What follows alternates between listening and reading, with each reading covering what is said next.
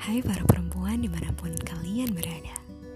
Aku seorang pemimpi Namun mimpi butuh konsistensi. Konsistensi rasanya sulit datang dari diri sendiri. Aku butuh inspirasi.